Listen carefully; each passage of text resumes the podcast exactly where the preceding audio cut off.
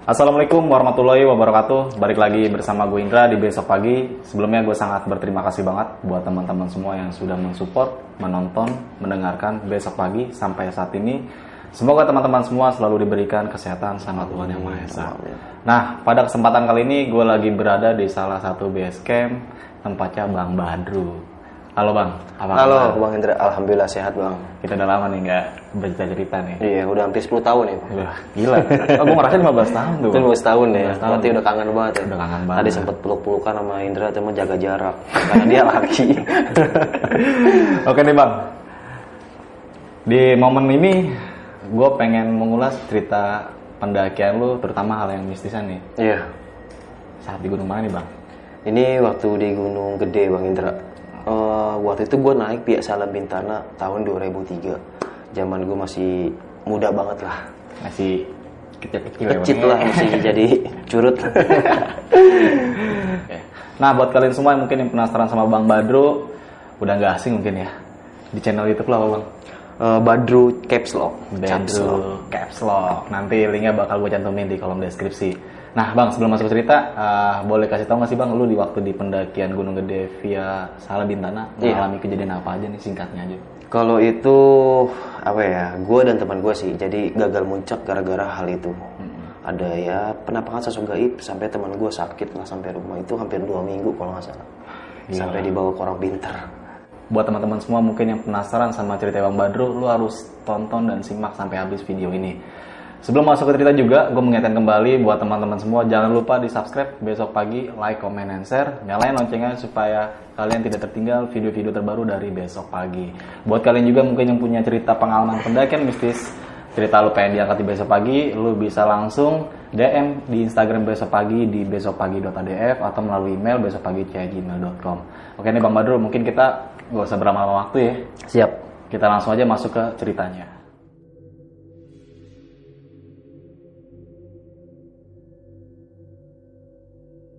Nah ini kejadian 2003 dan itu gue masih sekolah bang. Dan itu pendakian ketiga gue. Jadi gue dulu pernah naik ke Gunung Gede juga tapi Pia Putri. Yang keduanya Gunung Salak waktu itu Pia Cimelati. Eh Cimelati. Curug Rangka. Sorry. Nah kali ini waktu itu itu masih kelas berapa ya? Kelas 2 SMK kalau nggak salah deh. Nah naik ini gue bukan sama teman-teman komunitas nih bang. Karena dulu kan apa ya buat cari teman pendaki itu agak sulit bang Indra akhirnya gue naik waktu itu sama teman satu daerah nih dekat-dekat rumah teman-teman SD sih biasa bisa dibilang waktu itu gue naik berempat gue ngecek si Randy sama si Abil berempat nih bang laki semua dari eh, Jakarta Barat gue naik ini bang nih naik truk sayur dari Tangerang Tangerang. pasar induk tuh Yoi. turun di Sukabumi. Hmm. Kalau nggak salah itu nggak salah di pasar Jogja kalau nggak salah pertigaan tuh. Nah dari situ gue lanjut lagi naik eh, kayak angkot gitu bang menuju Salah Bintana. Nah nyampe lah gue itu bukan di base camp sih kayak di ya eh, tempat terakhir lah mobil berhenti gitu. Itu kalau nggak salah ya jam setengah tiga subuh masih agak gelap itu bang gelap banget. Nah sampai situ gue bingung bang Indra. Gue pengen nanya ke orang-orang sekitar nggak ada dong, cuma ada warung kecil yang udah tutup, yang masih tutup. Nah di situ akhirnya gue udah, yuk kita jalan aja. Gue nyari tempat registrasinya nih, kan waktu itu masih on the spot ya, belum ada sim, belum ada online onlinean. Nah situ gue nggak nemu nemu nemu, ya akhirnya udahlah gue gue jalan aja kan, karena gue cari nggak nemu. Nah di situ kayak ada plang eh, apa sih kayak mau kayu-kayu gitu yang menuju puncak gede gitu kan. Nah gue ikutin tuh jalan, itu masih gelap bang. Nah pada akhirnya setengah jam gue jalan, udah mulai kayaknya kurang kondusif nih ya. Nah di, oh, nah akhirnya gue nungguin pagi nih bang Indra. Eh, nunggu pagi setengah jam agak bete bang karena satu dingin, gue udah ngantuk. Kalau kelamaan berhenti bete dong. Akhirnya si bebek nih waktu itu ketua leadernya si bebek nih si Randy ini nih, nama panggilannya bebek, nama asli.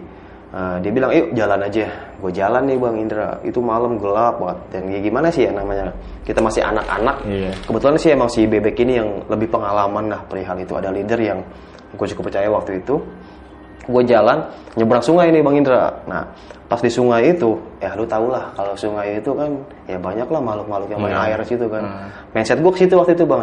Cuman tapi gue nggak terlalu apa ya menghiraukan lah ya. Pas gue lagi jalan oh hati-hati. Untungnya itu air nggak terlalu deras. Gue lewatin oh, agak basah lah sepatu. Itu kayak ada ular bang.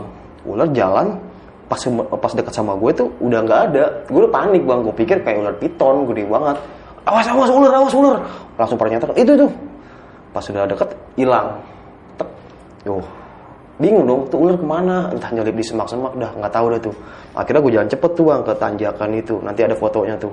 Nah sampai tanjakan itu kayak ada sabana nih bang. Rumput-rumput. Nah gue nggak tahu tuh kalau di sini ada wc karena masih gelap kan. Nah akhirnya gue diskusi-diskusi berempat. Ya udah nunggu pagi kita di sini. Nah akhirnya gue buka tenda tuh bang Indra nah waktu itu apa ya tenda masih apa adanya lah ya Oh, frame-nya juga masih frame apa sih ya gitu. Tenda pramuka bang. Iya, model kayak gitu, tapi masih ada frame-nya bang. Iya, iya. Alhamdulillah udah dome. Cuman ya mereka merek-merek Cina lah. Nah akhirnya gua tenda, niatnya buat nunggu sampai pagi. Gua tidur lah di situ.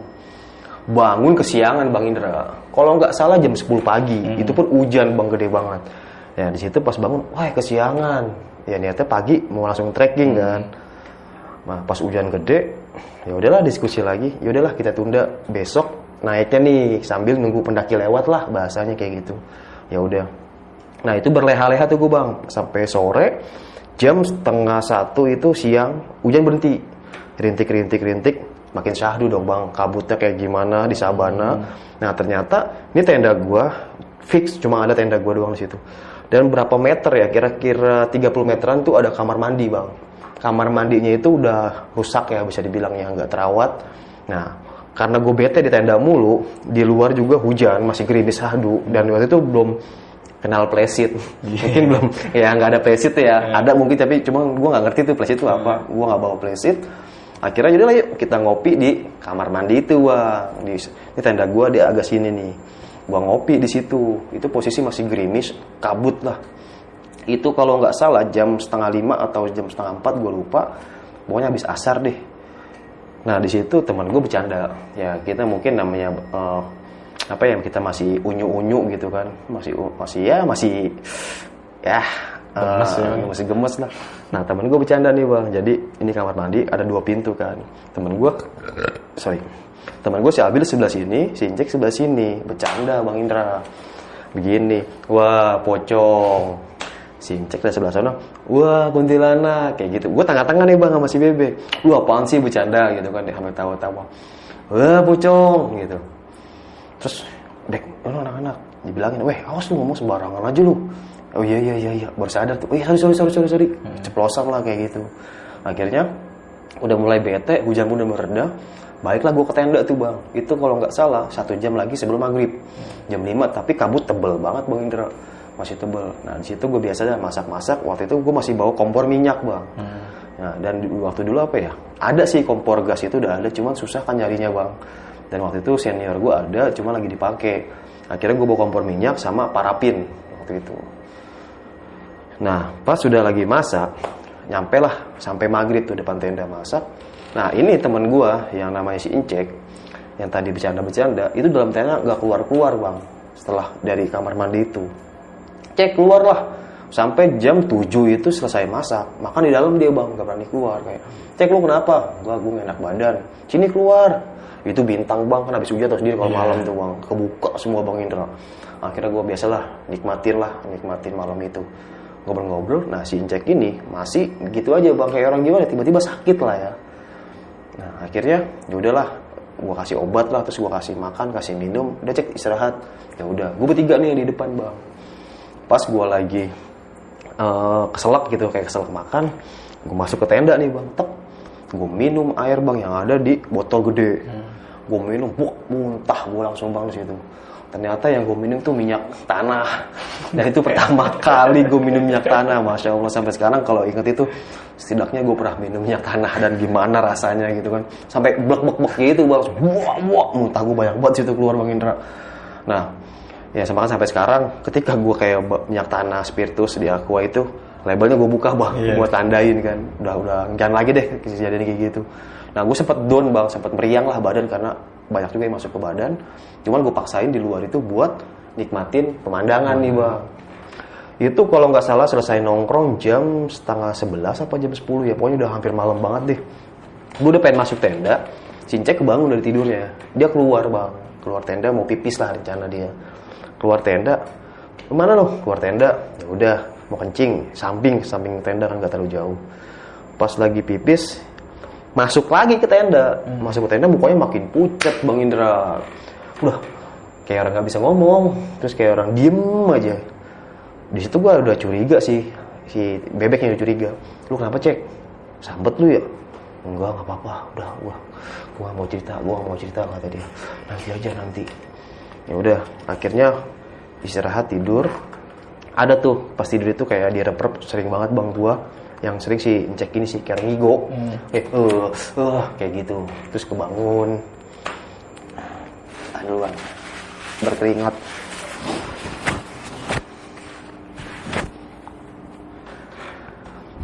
Kurang gede itu hasilnya ya. Nomor berapa ke? Nomor 20 udah lanjut dah. Lanjut ya bang ya nah di situ dia makin kayak orang gimana ya bang? Kayak orang bener-bener drop gitu kan. Nah pas tidur pun kayak direp wah wah cek cek cek bangun. Ya udah. Nah pagi tiba nih bang. Pagi kalau nggak salah itu subuh sholat subuh thread nah pas habis sholat hujan lagi bang Indra. Hujan ditambah kondisi si sincek ini yang masih drop. Dibangunin pun kayak susah banget bang buat bangun diri pun nggak bisa. Akhirnya gue masak masak masak masak. Nah kejadian tuh pas pagi. Pas pagi itu pas lagi selesai masak encek bilang yuk kita turun aja yuk. Gue udah gak mau naik lagi. Sambil gimana ya bang ya? Dia kan kayak agak Cina-Cina gitu kan tapi Islam. Itu teman gue SD udah yuk turun aja kata dia. Ya udah gue diskusi-diskusi udahlah. Kita hilangin egoisnya kan karena ada satu teman yang bener-bener sakit drop nih gue turun dah tuh bang Indra menuju Salabitana nih. Jadi awalnya itu gue naik via sini nih bang kayak jalan utama. Gue turun itu via wisatanya bang tempat wisatanya. Karena ya kita nggak tahu arah turunnya ke mana gitu. Jadi cuma ada turun oh Salabitana ya udah.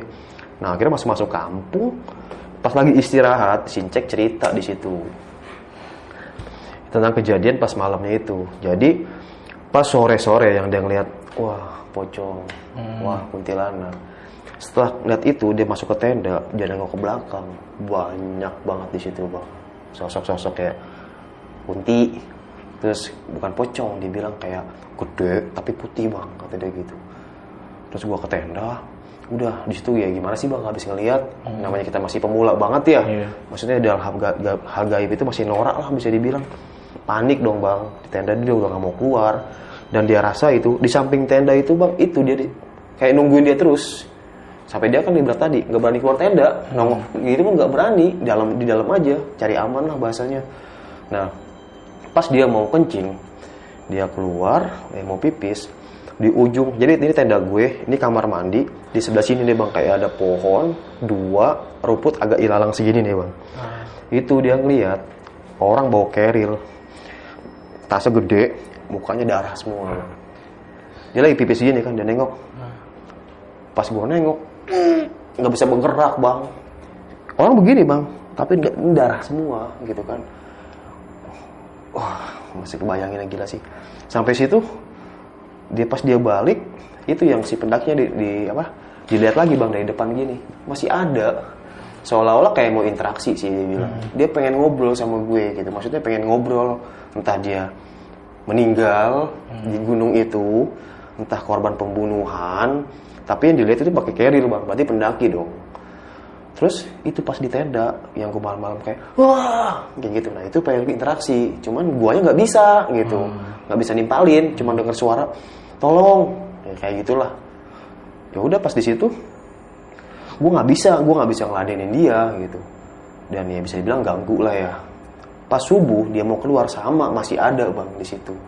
Ya akhirnya apa dia penasaran sebelum balik emang bener sih dia sebelum balik itu ini kan tenda gua. Udah packing nih bang. Packing selesai. Ya udahlah nunggu dia belum kelar dia udah kelar nih. Dia ke ke tempat itu bang. Ya gua nggak ngerti dong. Awalnya gua nggak tahu. Cek lu ngapain? Nggak. Mungkin dia penasaran. Ada apa sih di sini semalam tuh? Siapa sih gitu. Pas dia tuh lagi udah nggak ada tuh. Nah pulanglah akhirnya gue tuh bang. Gagal gue fix naik gunung gede Pangrango. Gagal gunung gede biasa lebih tanah. Paling itu gue udah mimpi gue ya. Karena waktu itu pendakian masih jarang banget bang Indra. Masih sepi banget ya lu tau lah 2003 pendaki kayak gimana Iya.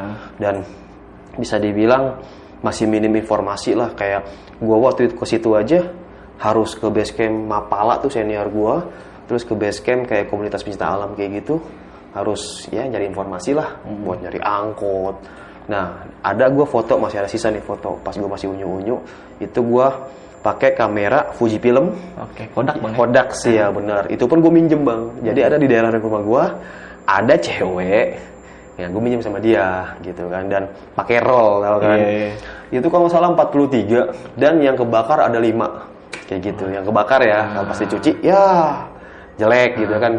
Oh, gambarnya putih semua kebakar kan. Ada beberapa masih tersisa gitu fotonya. Nanti gue kirimin. Nah pas nyampe rumah si Incek ini sakit bang meriang. Meriang itu kayak bukan meriang biasa bang, kayak diikutin lah. Akhirnya dia ke orang pinter, itu berapa hari ya? Hampir 9 hari, hampir dua minggu. Nah akhirnya gue jenguk, ya sembuh total lah. Katanya diikutin sama yang di sini nih gitu. Mungkin mau minta tolong mau interaksi tapi ya kan kita nggak bisa bang. Dan gue pun waktu itu ya masih biasa aja. Gue ngelihat juga ngelihat kayak apa ya bukan kucing sih. Dibilang macan cuman kecil tapi nggak napak kayak gitu. Terbang dia. Cuman gue anggap ah halusinasi gue aja biasa aja kan nah si Incek ini yang jelas ngeliat pendaki yang begini bu darah Berumuran darah bang. kalau feeling gue, gue sempat ketemu juga pas kondangan tuh kemarin ke Bogor. Ya itu gue bahas lagi. Eh apa ya? Cek kan gue sekarang main konten horor deh, atau gitu kan. Gue mau cerita nih, eh, gini kan kejadian kita. Oh iya tuh dia cerita lagi tuh bang di situ. Itu dua minggu yang lalu gue ke Bogor nganterin si Bonar hajatan. Ya dia cerita ya tentang masalah itu. Kayaknya sih itu pendaki yang meninggal tersesat kata dia sih gitu. Cuman gue nggak tahu juga lebih jelasnya yang kata yang ustaz orang pintarnya itu waktu dulu. Nah itu sih dia mau interaksi, cuman sinceknya nggak bisa bang. Buat nimpalin nih. Katanya pengen ini loh jasad gue di sini cariin bahasanya kayak gitu bang Indra cuman kan ya kita berempat ya nggak ngerti bang yang bisa cuma baca al-fatihah waktu itu kan cuman ya lu paham lah kelas anak SMA kayak apa kayak gitu. Dan sampai sekarang pun itu cerita kalau ketemu. Bah bang sampai sampai kejadian situ dia udah nggak naik gunung lagi sampai sekarang. Skip tuh bang. skip. Dibilang trauma enggak sih cuman dia udah gua nggak mau. Karena dia emang agak sensitif orangnya bang. Agak sensitif si Incek ini. Jadi ya bukannya gua ngomongin teman gua ini kita cerita pengalaman dia aja gitu. Sempet gua ajakin podcast cuman dia agak malu di kamera. Mungkin next gua ajakin dia nih di channel gue biar teman-teman tahu ini loh dia gitu kan. Dan nanti ada fotonya juga gitu waktu tahun 2003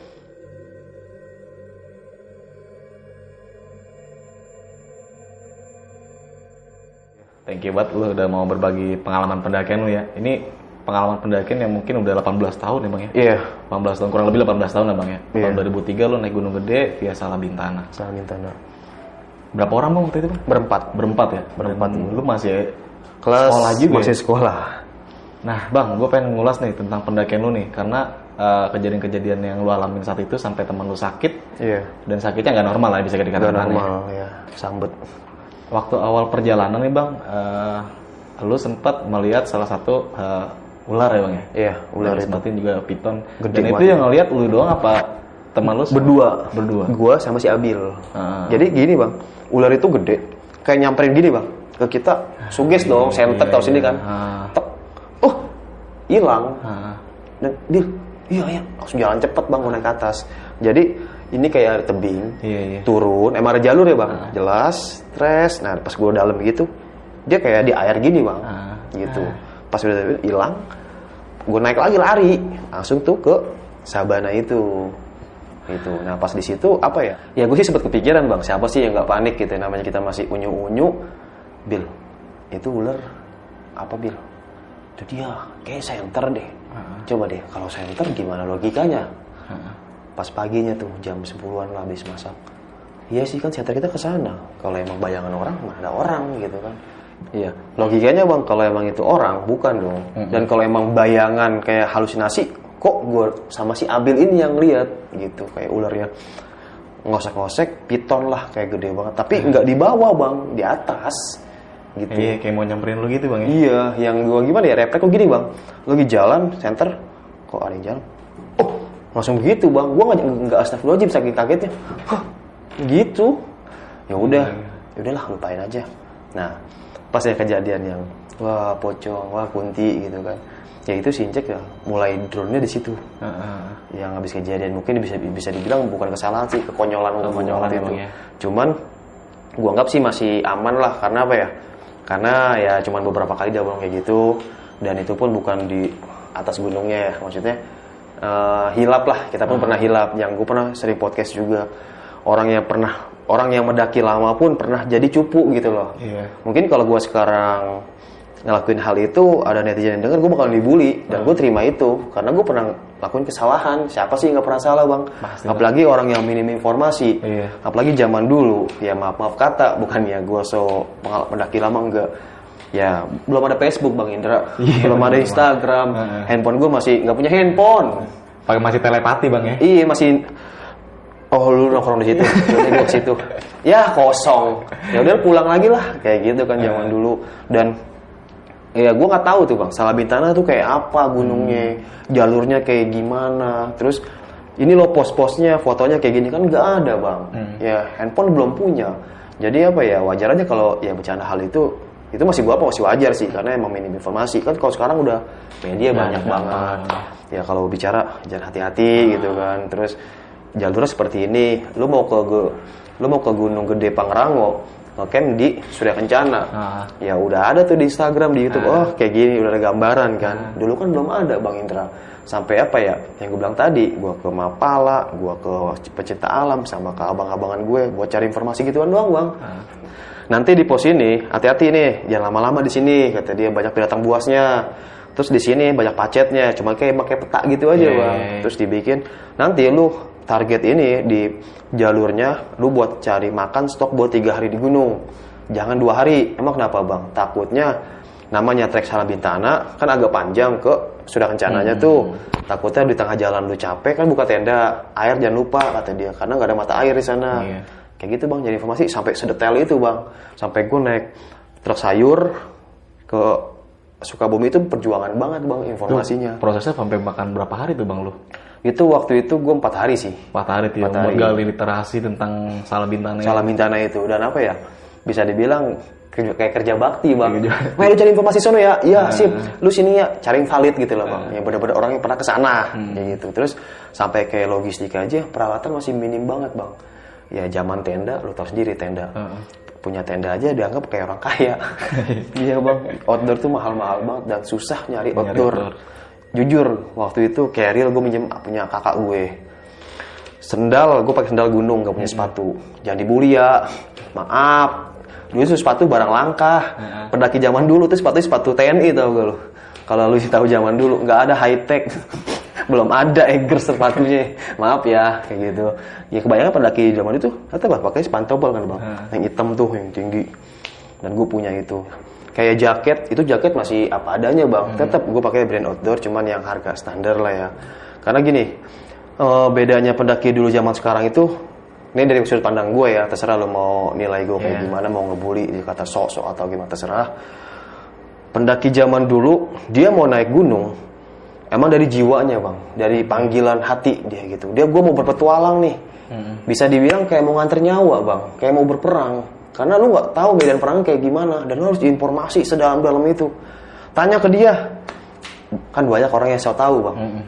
Baru sekali tahunya kayak udah tahu tentang suatu gunung dalam itu kan. Red ah masih nggak percaya cari lagi yang lain. Kumpul itu data. Red udah kayak mau perang bang. Peralatan. Eh minjem ke sono. Uang nggak ada uang nggak ada. Nyewa mana ada penyewaan zaman dulu bang. Itu akhirnya pinjam sana pinjam sini. Nyicil beli. Nah terus resiko paling tinggi resiko. Satu jalur pendakiannya itu masih minim apa adanya bang. Contohnya pelang.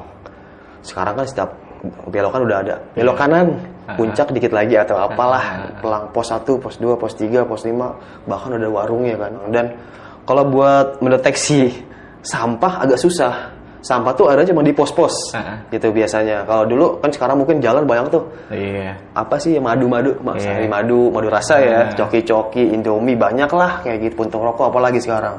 Dulu agak susah bang deteksi kayak gitu. Jadi ini gue jalan bener gak ya? Udahlah du- duduk nunggu orang kapan nyampe nya nggak lewat-lewat kan. Emang kalau gede pia apa sih Salabintana. Salabintana itu emang sampai sekarang pun kan jarang peminat Ah, kalau jalur putri sekarang kan udah rame banget ya bang. Dulu emang rame sih tapi nggak seramai sekarang dan gue ngerasain betapa ekstrimnya jalur aslinya putri bang. Itu kalau gue inget-inget zaman dulu, gue kalau nggak salah tuh sampai 2008 apa 2009 ya diperbarui itu jalurnya bang. Jadi melipir. Dulu itu bang dari pos 1 itu langsung tegak begini bang. Bener, makanya dulu kan disebut putri. Wah, laut putri ya, ogah. Karena emang bener-bener begini jalurnya bang. Sekarang itu kan dibikin melipir nih. iya. Nah, ketemu jalur lama itu pas di Simpang Maleber. Nah, itu jalur lama tuh. Nah, kayak gitu tuh. Yang lawa, lawa Iya, Seketeng. kayak gitu. Tegak, Bang. Dulu kan kalau pendaki disebut naik mana lu? Pia Putri. Enggak dah, gua nggak mau capek. Tanjakan nggak habis-habis. Karena emang bener dari bawah itu pas eh, kebun-kebun kebun-kebun langsung tegak begini, Bang. Dan gua ngerasain itu sampai tahun 2009 atau 2010 ya, gua lupa tuh. Masih ngerasain tegak begini. Sekarang kan dibikin melipir. Iya. Nah pas ketemunya di pos berapa ya sebelum simpang Maleber tuh yang terjal juga. Nah itu jalur lamanya bang. Jadi lama itu ada di sebelah sana, yang baru sebelah sini. Gitu yang gue rasain. Makanya pendaki dulu kalau nyebut putri udah ogah aja.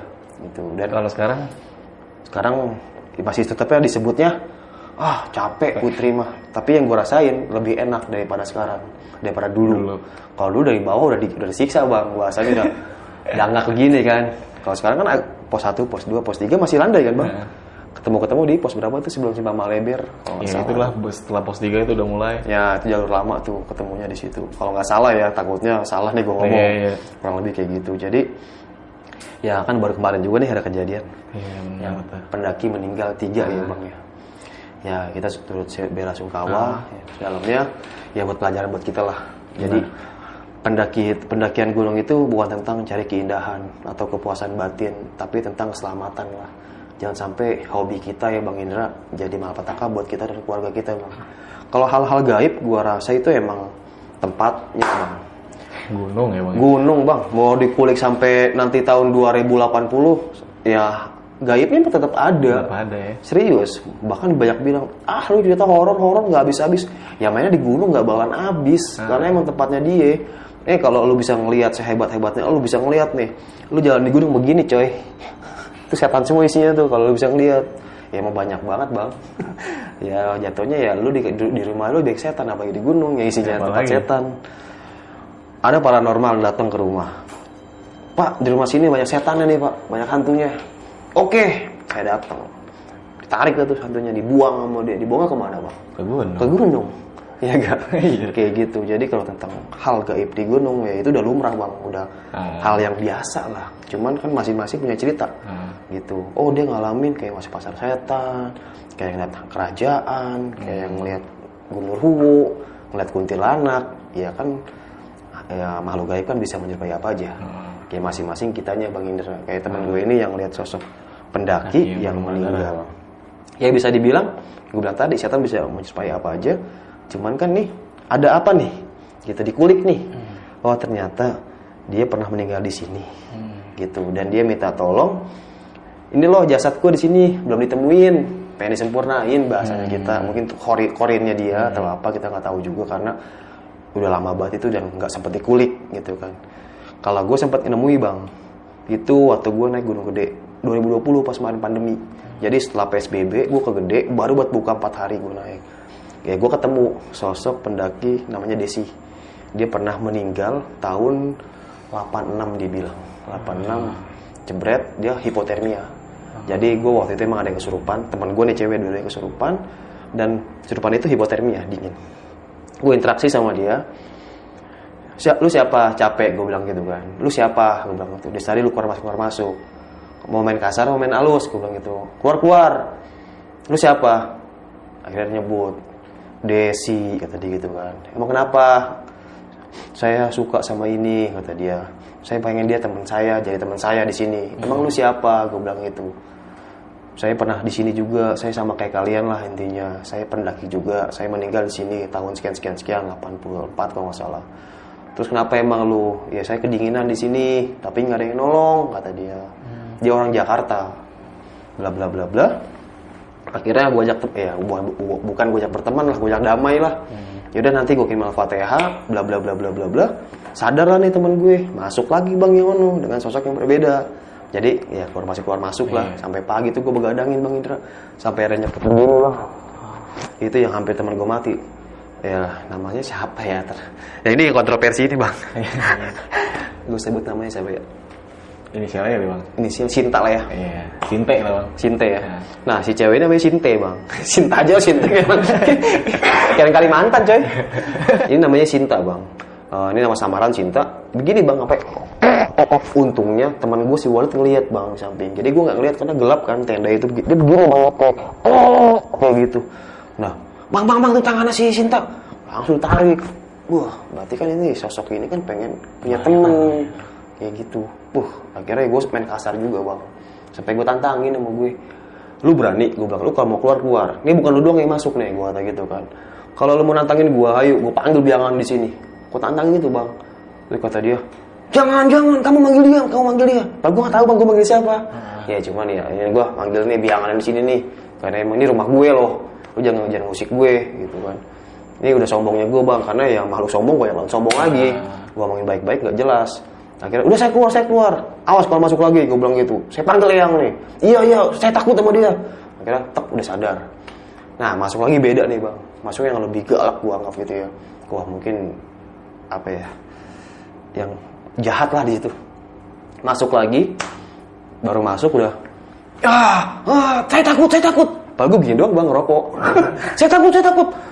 Ya udah, lu keluar, tapi nggak mau keluar bang. Saya nggak bisa keluar, saya nggak bisa keluar.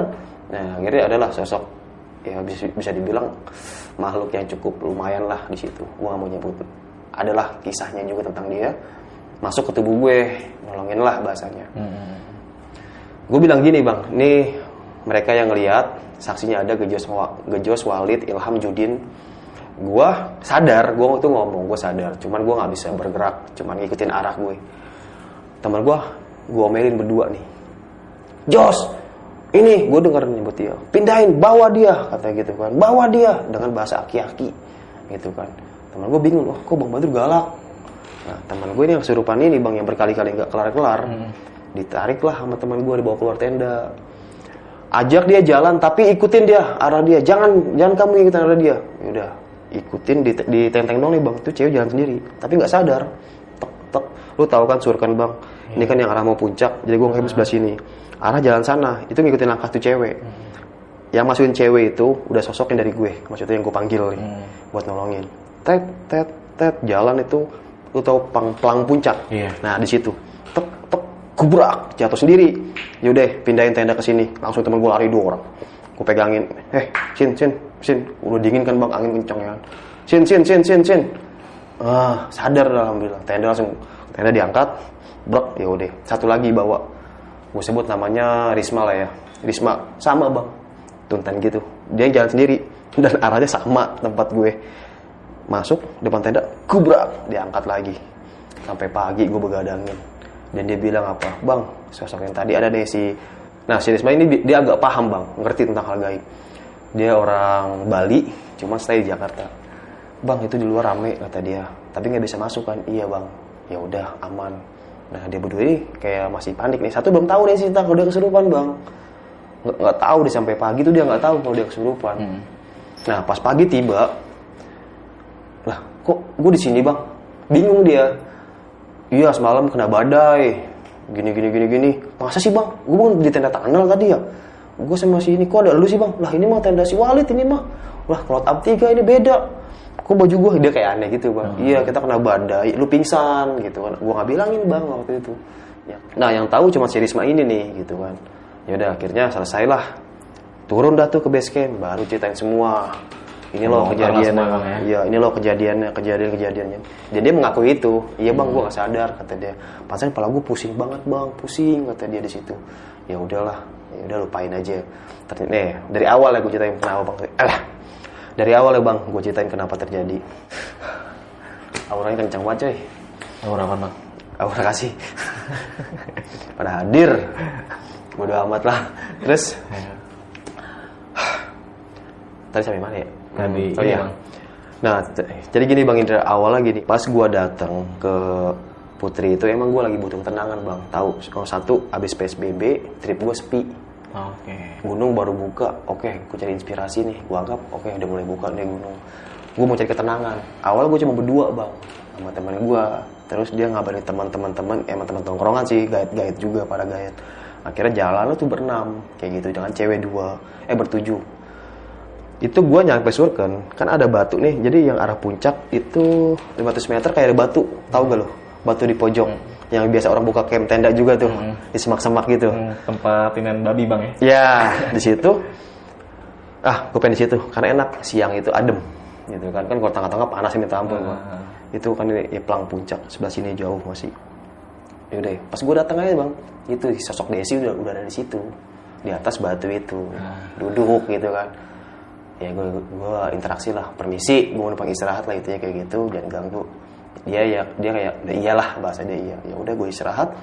Ya mungkin teman gue ini dalam keadaan galau lagi kurang kondusif juga yang cewek dan dia suka dalam keadaan itu. Dibilang head enggak lagi enggak head enggak. Cuman lagi kosong aja pikirannya ya. Dan alhamdulillah selamat lah. Dan sampai rumah nih bang. Gue sama Walid itu masih disamperin sama sosok Desi Ikut bang. ngikut gua sampai rumah. Si Desi itu ngobrol banyak sih tentang dia kejadian yang kenapa dia. Ini gua nggak mau cerita sih maksudnya takutnya ada temennya yang apa apa intinya kayak dia kayak ditinggal. Nggak diperdulin sama temennya. Dan dia merasa kesepian di sana kedinginan. Karena awal kan dia hipotermia. Dia bilang keluarga aku sayang di rumah tapi kok aku di gunung itu kok nggak diperhatiin? Intinya kayak gitu bang dia curhat. Ya gue bilang gue bukan siapa-siapa lu dan gue gak kenal sama lu gitu kan.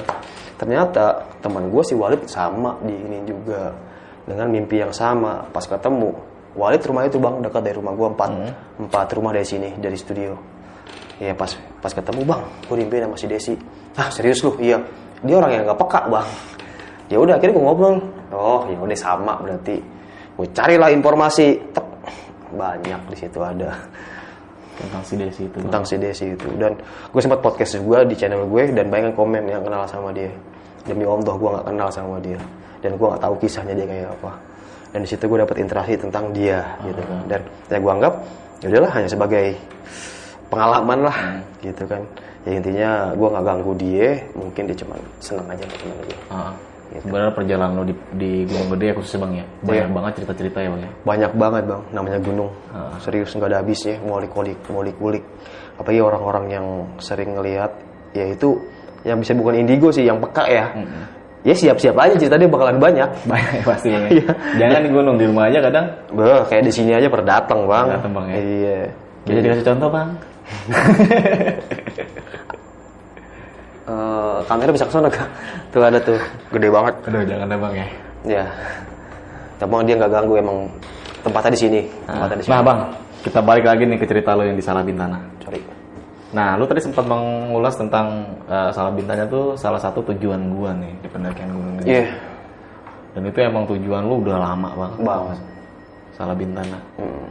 Dan lu melakukan pendakian itu memang butuh proses yang sangat panjang bang ya. Iya. Dari informasi sampai berhari-hari. iya Sampai akhirnya lu melakukan pendakian di Salah Bintana. Tapi setelah kejadian itu tadi lu sempat ulas juga, teman lu itu sempat nggak mau naik gunung lagi skip ya. skip Dalam artian bukan dalam dia mengalami kejadian yang dia lihat itu. Iya, karena ya kembali lagi jiwa dia bukan di alam. Oke. Gitu. Jadi dia kembali lagi tetap jiwanya adventure, Ah, anjay. adventure. Cuman lebih dominan di curug. Ah, Dia explore explore curug. Curug lovers tuh bang. Iya, curug lovers yang sahdu-sahdu gitu. kan. Sahdu-sahdu gitu. Fotonya pakai BH doang ya sendirian. Terus pakai celana pendek gitu kan. Ah, ke curug deh, pokoknya keren deh.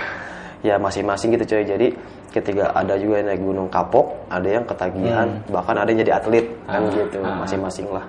Nah, setelah kejadian itu, apakah lo eh, mencoba untuk naik gunung Salah Bintana lagi nih bang? Iya, gue lanjut di tahun 2011 apa 12 ya, sebelum ekspedisi kalau nggak salah deh. 2011 gue coba, itu gue naik berlima dan nggak sampai puncak karena ada yang ngedrop.